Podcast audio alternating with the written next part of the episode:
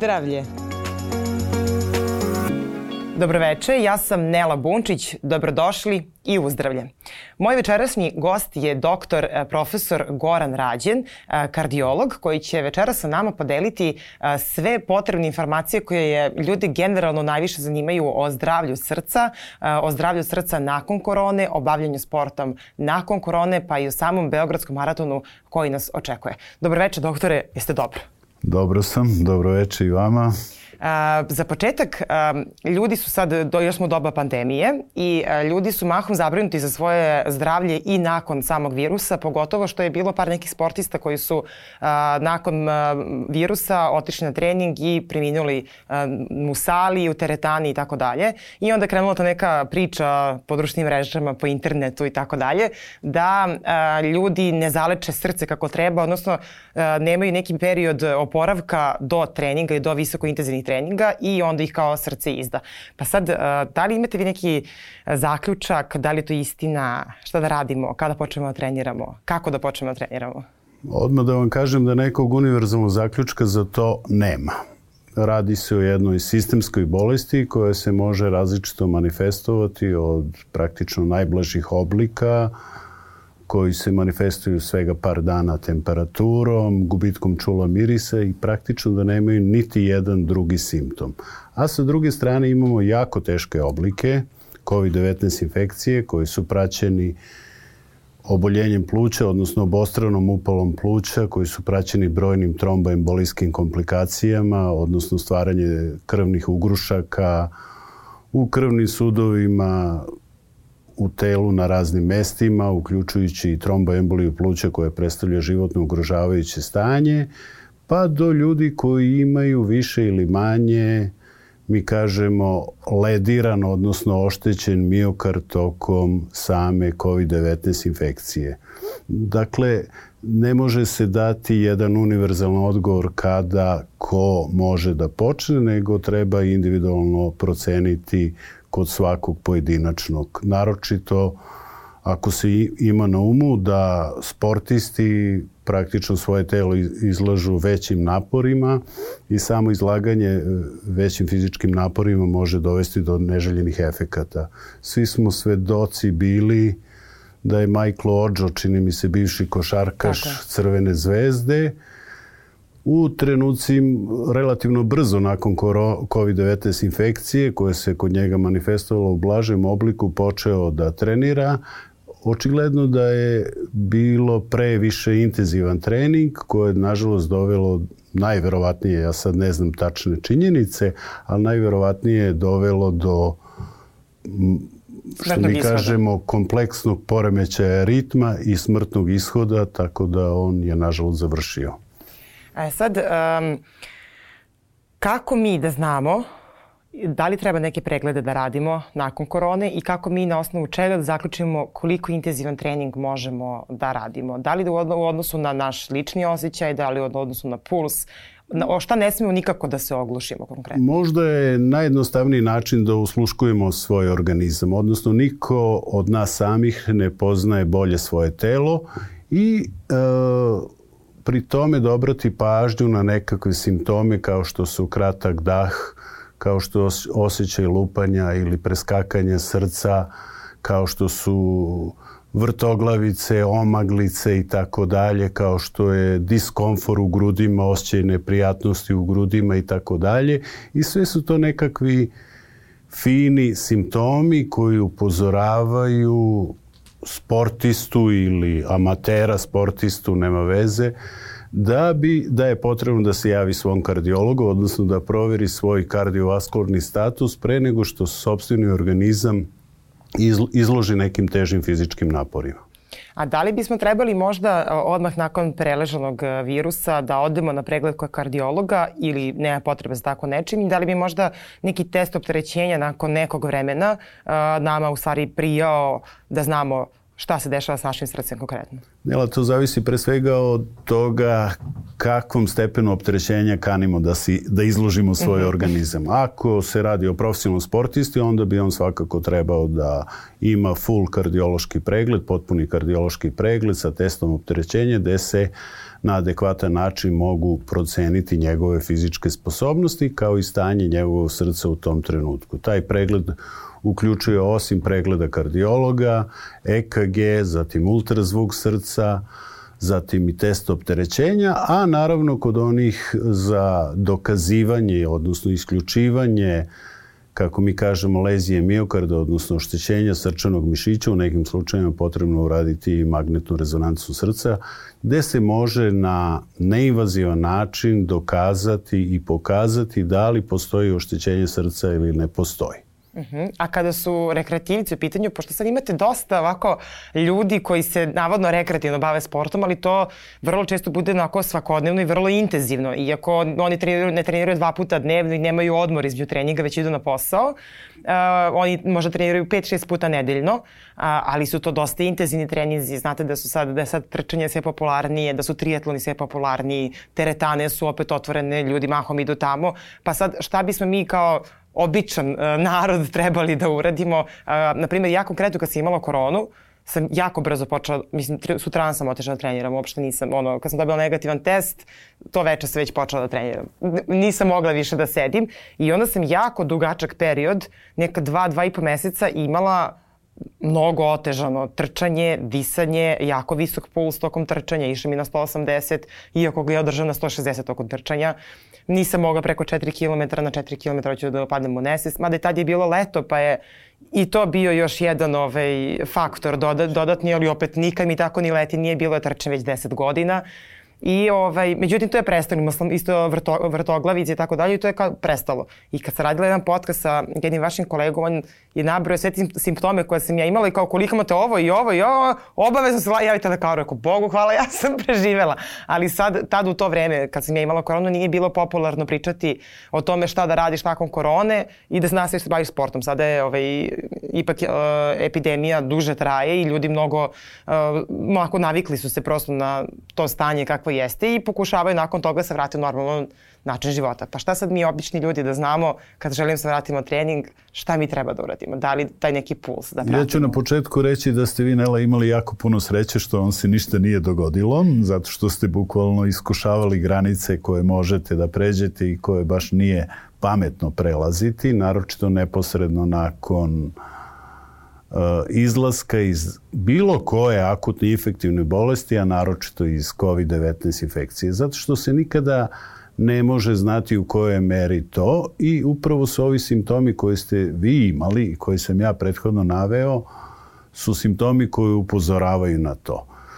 E, za razliku od profesionalnih sportista, amateri, e, profesionalni sportisti uglavnom vode računa o svom zdravlju zato što je to kod njih ekonomska kategorija. Mislim, da. jednostavno. I sa druge strane, pošto obično, bez obzira da li se radi u individualnim sportovima ili se radi u grupnim sportovima, Ukoliko se radi o grupnim sportovima, onda imaju nekakav, da tako kažem, medicinsku podršku gde se proverava njihovo zdravstveno stanje, opet u svrhu što dužeg i što boljih sportskih učinaka, ma o kom sportu da se radi. Šta je problem kod amatera? Amateri nemaju taj backup, da. de facto. Sa druge strane, postoji ono čuvena sentenca u našem narodu izreka neće baš mene, jel? E neće to, gromu koprive, to da, voli da kaže isto. neće baš mene i tako dalje, međutim to nije baš najbolje rešenje za uh, ljude koji kane da se bavi naročito intenzivnim sportom, pa i na amaterskom nivou. Ja znam da je svima nama dosadilo da budemo zatvoreni, takođe da svi mi čekamo, jedva čekamo vreme kada će se završiti ova pandemija i da je dosadilo i da nosimo maske i tako dalje, ali recimo vi ste neposredno nakon uh, što ste bili negativni na COVID-19, to samo znači da više niste prenosilac, ništa više. Uh, a šta se, na svu sreću u vašem organizmu se ništa ružno nije desilo, ali moglo je. Zato uh, za te ljude je najpametnije da potraže stručnu pomoć, da naprave barem osnovni kardiološki pregled sa EKG-om, pa će već prema tome kako bi rekao, odrediti se da li je potrebno detaljnije ispitivanje, da li je potrebno, da li imaju možda nekakav poremećaj ritma, pa je potrebno 24-časovni holter EKG-a uraditi, da će se to registrovati, videti u kakvom se poremećaju ritma radi, ali u svakom slučaju i ono što sam rekao na početku, sluškujte svoj organizam. To je možda najbolja poruka uh, za sportiste amatere. Ako primetite bilo kakvu novu pojavu, kratak dah, nedostatak vazduha, osjećaj lupanja, preskakanja srca, omaglice, nesvestice, diskomfor u grudima, najpametnije da se jave lekaru. Je sad takođe ima i onih koji su um, preživali koronu bez nekih jačih simptoma, eventualno su izgubili ukus, miris i to bi bilo to malo ih nekad bola glava i kao to je to i oni odmah se vrate uh, svom svakodnevnom životu. Da li postoji neki period uh, gde bi ljudi trebali da, ako su imali dve nedelje sada koronu, koji period ne bi trebali uopšte se bave nekim težim fizičkim aktivnostima, na primjer šetanje? Da li postoji nešto što kao da im preporučimo? Pa praktično, barem te dve nedelje koliko je trajalo akutni stadijum, makoliko on bio blag, je barem još dve nedelje toliko da se ne bave ok, mogu da prošetaju lagano, ali da se ne bave nikakvim intenzivnijim sportom pre nego što provere svoje zdravstveno stanje. To bi bila definitivno preporuka. Dobro, hvala. Sa druge strane, šta je problem sa koronom? Korona uh, u, ulazi u organizam preko sluznice nosa, usne duplje i sluznice očiju. Međutim, to je samo ulazna vrata. Suštinski korona ulazi u organizam preko nekakvih AC receptora, AC2 receptora koji se nalaze širom našeg organizma, a Naročito ih ima u zidovima krvnih sudova, u unutrašnjem sloju zida krvnog suda. Dakle, gotovo da ne postoji mesto u organizmu i organ ili organski sistem koji korona ne može da zahvati i to treba imati na umu pre nego što se odluči za to. Krvni sudovi znamo svi da se nalaze svuda po čitavom organizmu. I u srcu, i u plućima, i u bubrezima, i u gastroincijalnim organima i tako dalje naravno i ekstremitetima koji su jako bitni za sportiste, nogama, rukama i tako dalje. I sad kad kažete se on nalazi u krvnim sudovima i da krvni sudovi idu kroz cijel naš organizam, a korona je sistemska bolest, a, da li znate možda da li postoji neki organ u našem telu koji je najčešće bio poremećen, odnosno njegov a, e, rad je bio poremećen nakon korone? Da li ima neki organ koji korona najčešće napada? Pošto neki pričaju srce, neki pričaju pluća, neki... Dobro, svi smo svedoci da praktično se najčešće jedna od, manifest, jedna od najčešćih manifestacija jeste upala pluća, odnosno obostrano upala pluća ili atipično upala pluća, kako je ko naziva, pošto se radi o virusnoj upali pluća, koja je najčešće lokalizovana obostrano. Međutim, uporedo sa tim u akutnom stadiju vrlo često dolazi do uh, da tako kažem, trombotskih komplikacija. Čuli ste svi za one čuvene, čuveni D-dimer, za određivanje uh, D-dimera, zatim za uh, različite vrste trombotske komplikacije koje se mogu javiti o, kod takih pacijenata od samog mirovanja, od samog ležanja, onda od, od, od, zbog bolesti i tako dalje, može da nastane tromboflebitis, to je upala vena na nogama, međutim u nekim slučajima taj tromb može da se pomeri odatle, da ode u pluće i da dovede do fatalnog ishoda, odnosno tromboembolije pluća. Dakle, nema gotovo ni jednog dela tela ili organskog sistema koji COVID-19 ne može zahvatiti. Znači, stvarno jeste sistemska bolest i da mi više ne izmišljamo dobro mi je srce, loše sam mi pluća, pošto tako sad je to je. tako nezgodno u tako doba je, pandemije interneta. Samo postoje neke stvari koji su očiglednije, a drugi koji su manje očigledne. Srce je mišićni organ i on praktično pumpa krv po čitavom organizmu i onda se jednostavno na srcu najpre manifestuju ti nekakvi nedostaci u smislu nedovoljne pumpne sposobnosti, odnosno može se manifestovati neki put kao srčana slabost, neki put kao poremećaj ritma, neki put e, kao tromboembolijske komplikacije i tako dalje, ali to su sve samo različite manifestacije jednog istog post-covid stanja. I sad, e, prvi put će u ovakvom stanju, e, svetskom, odnosno svetskoj pandemiji, kod nas da se održi i Beogradski maraton, napokon uživo. Prošle godine je bio online, ove godine će da bude uživo. Bićemo svi 6. juna ovaj, e, na stazi, a vi ste medicinski direktor Beogradskog maratona, ali tako? Da li imate sad neki savet za trkače kako treba da se ponašaju taj dan? Šta ako osete šta, šta treba, to jest šta ako osete nešto, šta je to nešto što osete da treba da prestanu da trče ili kako, na primjer, da se ne preforsiraju? Pa ovako, tu ima više saveta. Prvo, uh mhm. -huh. pošto korona jako dugo traje, znači to je sad više od godinu dana, godinu i po dana, računajući da je krajem decembra 2019. od, od tuda i naziv COVID-19, jel, se pojavila u Kini. I mi smo svi jedva dočekali da se značajnije smanji broj COVID infekcije i sad je taj broj trocifren, je li tako, barem poslednjih dana, jel? Da. Ja se nadam da će se taj trend nastaviti i naravno da su svi jedva dočekali da se konačno vrate nekakvom boravku na napolju, boravku na svežem vazduhu, treniranju, trčanju i tako dalje, komunikaciji sa ljudima.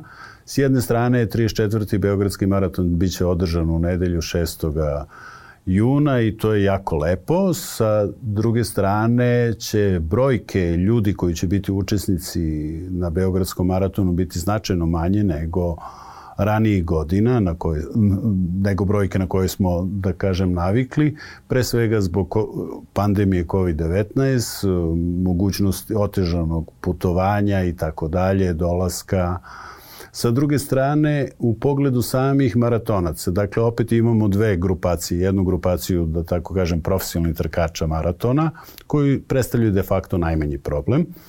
I jednu veliki pul amaterskih trkača maratona, sa druge strane ja, je vreme COVID-19 infekcije. Pa imate ljude koji su preležali COVID-19 infekciju, ali takođe mogu da, uslovno rečeno, po znacima navoda, da kažem da i zarade mm -hmm. akutni stadijum COVID-19 infekcije neposredno pred maraton. Mm -hmm. Tako da ona priča o osluškivanju svog organizma važi i za ljude koji su prethodno preležali, Naravno, pri tome treba dobro da procene svoj kardiovaskularni status. Pri tome će im stvarno biti od pomoći kardiološki pregled gde koji treba da im pomogne praktično za koju dužinu trase da se odluče. Da li će to biti ove godine, neće biti trka zadovoljstva, ali će biti polumaraton ili maraton. Polumaraton, znate i sami da nije to samo maraton podeljeno sa dva. Znam. To je mnogo, se, znam, mnogo, se. mnogo bitno različito, a naročito je maraton različit. Sa druge strane, e, bez obzira što maraton je trka sa samim sobom. Što, što ja volim da kažem, marat, kod maratona je sve u glavi. Dakle, mora se imati dobar plan, mora se imati dobra procena sobstvenih mogućnosti u smislu diktiranja tempa, u smislu očekivanog prolaska u očekivanim vremenima i tako dalje i pri tome ne bi trebalo biti previše ambiciozan a ukoliko trkač oseti tokom same maratonske trke nekakve simptome tipa neprirodno jako brzog rada srca, odnosno lupanje srca, zatim preskakanja srca, zatim e, osjećaja kratkog daha, osjećaja da su mu ekstremno teške noge i tako dalje, onda je bolje za trenutak stati, proveriti sobstveno stanje, da li će se to oporaviti sa blagim uh, rehidratacijom i tako dalje, ili će morati čak i da odustane od maratona. Nije nikakva tragedija od, i odustati od maratona, najbitnije da sebi ne načine nešto lošije. I sad, e, moram da vas pitam, kakvo je to stanje E, pre nego što naš organizam kolabira. Odnosno šta, na, šta mi osetimo kao pojedinac pred uh, kolabiranje. Zato što pre, na primjer, dve ili tri godine tri, verovatno. Um, kraj Beogradskog maratona, pred samim krajem tamo, tamo ispred Narodnog fronta, ispred bolnice, uh, sam ja zatekla tada jednog uh, momka koji je, znači to je, nema još 600 metara ima do kraja, nemaš dalje. On je prvi put trčao i on je tu sedeo bled, modro, ispod očiju, plače, ne može da ustane više, otkazuje mu telo, ne sluša ga više telo, on je kolabirao. E sad, mene zanima uh, šta uh, taj čovek pred kolabiranje oseti, odnosno kako da trkač sebe spreči da kolabira. Koji su to neki to, simptomi to, to, to koji mu već od, To ukazuju? zavisi od dosta faktora. Prvo mm. zavisi od uslova u kojima se trči maraton. Jedan od najznačajnijih uslova jeste temperatura. Ove godine, zbog toga što je relativno kasno u odnosu na ranije beogradske maratone koji su obično bili u aprilu mesecu, uh, Biće 6. juna. Za očekivati je 6. juna da bude toplije vreme, a samo toplo vreme već predstavlja jedan snažan faktor rizika za nastanak kolapsnog stanja. Zbog čega?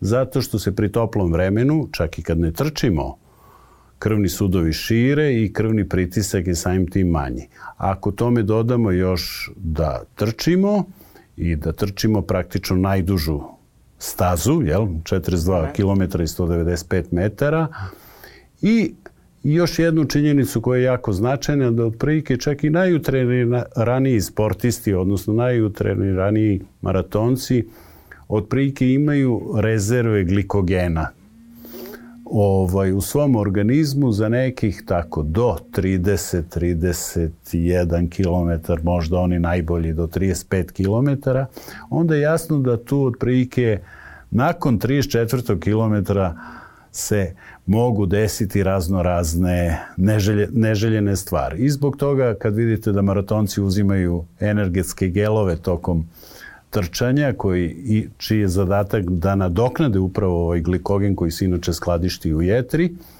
ovaj, kako bi dovoljno, u dovoljnoj meri mogli da snabdeju svoj organizam sa hranjivim materijama, onda vam je jasno Još neki simptomi koji se mogu javiti, to je disko, o, diskoordinacija, da tako kažem, pokreta, oni postaju nekontrolisani, svetlucanje pred očima, ima se utisak, mi to stanje nazivamo presinkopa, kao da će se onesvestiti, ali još uvek se nije onesvestio i tako dalje.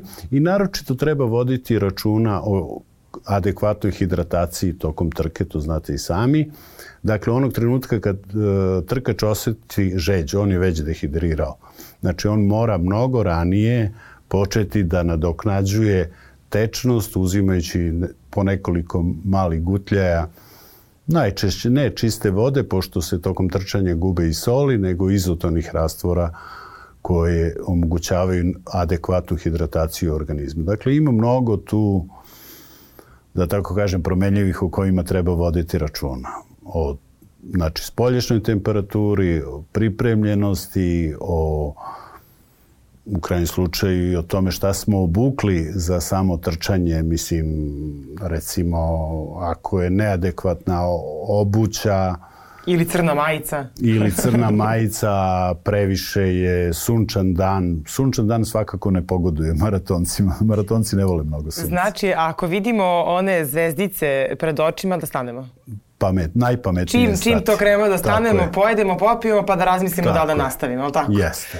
A, ovaj, da li je preporučljivo da, pored hidratacije što ćemo da pijemo izotonična pića i vodu, da se hidremo i kroz kožu, odnosno da se prskamo vodi? Ili ima to, ima to nekog smisla kada se radi? Ima, ima smisla. Osim rashlađivanja? I, pre svega rashlađivanje, sa druge strane nešto će se skupiti krvni sudovi, centralizovaće se krvotok, podiće se krvni pritisak tamo za toliko da može se izdržati i tih 600 metara kod tog već spominjanog maratonca. Znači, preporučljivo da... da Jeste. Da, da... Naročito ako su ekstremno topli uslovi. U krajnjem slučaju i ovi veliki svetski maratoni, majorsi takozvani, kao što su bostonski, kao što su čikaški, njujorški, berlinski, amsterdamski maraton, uh, oni imaju vrlo jasno upozorenje u pogledu temperatu, spolješne temperature i zone uh, trčanja, odnosno zone komfora, tako da ukoliko je viša temperatura, onda je to upaljeno žuto svetlo, ukoliko je ekstremno visoka temperatura, onda se čak se dešavalo i da se ti veliki maratoni prekinu generalno. A šta je najpreporučljivije kada pričamo o tom polivanju? Sada, a, mene sad konkretno zanima jer planiram da 6. juna trčimo ovako. Da. Koje su to zone na telu koje mi treba da polijemo da bi se ohladili, da bi se rehidrirali, da li su to ruke, da li je to, ne znam, vrat, glava, da li ima point što je polivati glavu ili mi je to preveliki šok. Naprimjer, meni je šok kada se polijem po glavi napolje vruće, ja se sva zbunim, mi bude nekako teže. A kad pa polijem po telom mi lakše, ali se ne ohladim tako. Pa u svakom slučaju, ra, prvo je najpametnije ono fina disperzija tih kapi da bude, da bude kao sprej Da. da, da protrčite, to sad idealni uslovi, da. Protrčite kroz maglu od vode, jel? To bi bilo idealno, a poprično individualno šta kome prija. U svakom slučaju ako je toplo i ako je sunčano, trebate da imate nešto na što će vam pokriti glavu i tako dalje i bilo bi pametnije s obzirom da da tako kažem, maratonac amater trči 3 po 4 sata, ako je svo vreme sunce, onda bi bilo pametnije i dugački rukavi od ovih nekakvih savremenih sintetskih materijala koji neće dozvoliti ni previše upijanja da tak, znoj apsolutno, odnosno tečno se ne upija, a sa druge strane neće dozvoliti ni upijanje ovih neželjenih sunčevih zraka ultravioletnih. A znači mi kad se polivamo flašom za vodu, možemo gde god... Da. Da li šta, to, šta kome prija. prija. Da.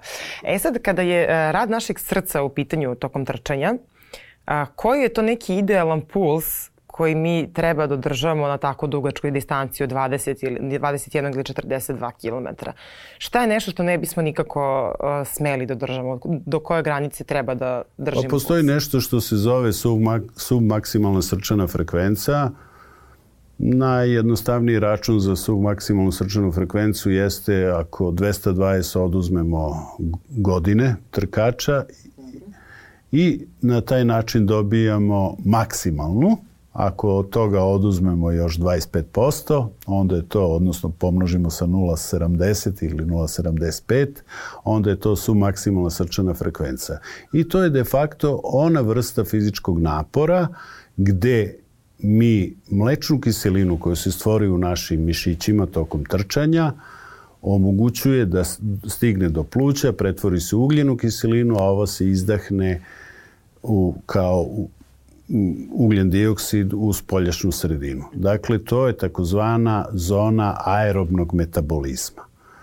Ajde Vi možete, mi možemo, svako od nas može u trenucima kada je životno ugrožen, kada hoće da istrči uh, kratku stazu ekstremno brzo, može da uđe u zonu i ulazi se u zonu anaerobnog metabolizma, to su frekvencije koje su veće od tih, ali svakako da se na stazi koja je najduža, 42 km, jel, ne preporučuje biti u zone anaerobnog metabolizma jer se jednostavno tada previše stvara mlečne kiseline. Mlečna kiselina kao svaka kiselina do, do, do, zakiselit će nas i dovešći do acidoze našeg organizma i to je krajnje neprijatno i nepoželjno stanje koje može da se završi ružno. I kad gledate, još bi samo, Aha, izvinite, da, da, da, kad gledate recimo razliku između maratonca, Roza Mota, sećate se Roze Mote, da. koja je jedna od najboljih maratonki svetskih bila, ona je građena tako što je mala, tanka, gotovo kad je pogleda čovjek gotovo da nema mišića. I kad pogledate recimo šta je znam, Ben Johnsona koji je trkač na 100 metara, vidite da su to ogromni mišići, bicepsi, kvadricepsi, mišići, potkolenici i tako dalje. Recimo kada bi taj Ben Johnson, nekadašnji kanadski atletičar, trčao maraton, ja mislim da bi on posle 2000 metara sagoreo u, u kiselini mlečnoj kiselini koje produkuje ogromna mišićna masa. Dakle, maratonci nemaju veliku mišićnu masu i to po tome se razlikuju, da tako kažem, dugoprugaši od kratkoprugaša, tim pre što se ovde radi o najdužem najdužoj dugoj prugi. Da, znam, praktično se tope mišići na te duge Tako. pruge i ja znam da je meni stalno teško da održim ipak neku mišićnu masu zbog nekog fizičkog izgleda koje meni odgovara, da. a onda s druge strane odam na trčanje pa se za tri dana to sve istopi i tako sam non stop između jednog i drugog. Sveća kad sam spremala Beograd, kad sam spremala, spremala njurški maraton, či ja sam bila, imala sam možda 3 kila manje nego sada, ja sam bila sva sasošena. Či nigde me ništa nije bilo, to su bilo na žile i kosti i koža i to je to, ništa. Evo, pogledajte Oliveru Jeftić, jednu od naših najboljih maratonki, vidjet ćete da je to nema velikih mišićnih masa. Svi da. mišići su tu, ali nema velikih mišićnih masa, jer to jednostavno duge pruge ne podnose. E sad, e, zanima me još samo za kraj da izračunamo tu sub uh, maksimalnu srčanu frekvenciju. To, e, ovako, 220 minus, minus godine. moje godine 30. Znači, to je 190. Puta 0,75. Ja nemam pojma kako to izračunamo. Tri četvrtine od toga. Tri četvrtine od 100... da je neko digitron. Da. Tri četvrtine od 190, znači... Pa recimo od 180 bi bio od Ajde, ako je 180, uh, 18 podeljeno sa 4 je koliko? 6? Nije? Nije, Nije 6. 4, 25. 4. Uh, na primjer, meni bi bila 160. Ja, sad, sad Jel imate? Jel možete? Ajde, ne, stvarno mi treba 135. Evo kaže 135. kolega. 135. I to je neki tempo. Imate danas svi uh, pametne satove, naročito drkače, smart watchove koji predstavljaju neku, neku ruku personalne trenere. Da.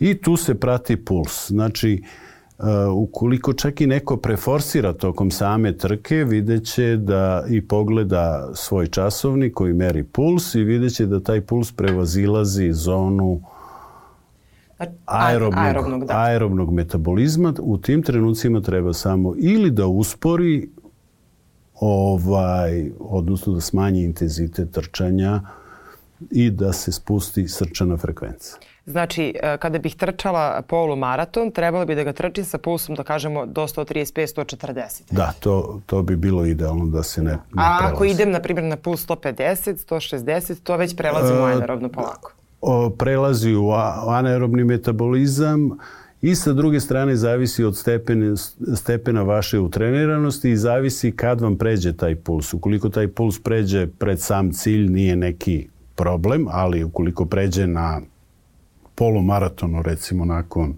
5 km. 5 km, onda ste u velikom problemu. Onda zaista treba maksimalno usporiti. A, doktore, hvala vam puno na svim savjetima koje ste nam podelili večeras ovde sa nama. Mislim da su bili vrlo korisni, evo i meni čak bilo korisno ovo za puls, iako dosta istražujem i, sluš, i slušam i čitam ovaj, o zdravlju srca i prosto i o trčanju. Zanimljivo mi je to i zanima me. Uvek se oko tega anaerobno, aerobno, pa šta da radim, pa dok li idem i sad moje srce previše radi. to je Recimo, ako želite da pobedite i da istrčite u poslednjim, tu zonu anaerobnog metabolizma ostavite za dodatni rezultat ako želite, ali to pred samim ciljem. Znači to tamo kod Narodnog fronta gdje je labirao mi tu pun gas. Da. Hvala vam. Ako ste u snazi. hvala vam još jednom na izdvojenom vremenu za naš podcast. Hvala i vama što ste pratili večerašnji podcast. Nadam se da vam je bilo od koristi. Vodite računa o svom zdravlju, vodite računa o svom srcu, a mi se vidimo 6. juna na startu 34. Beogradskog maratona.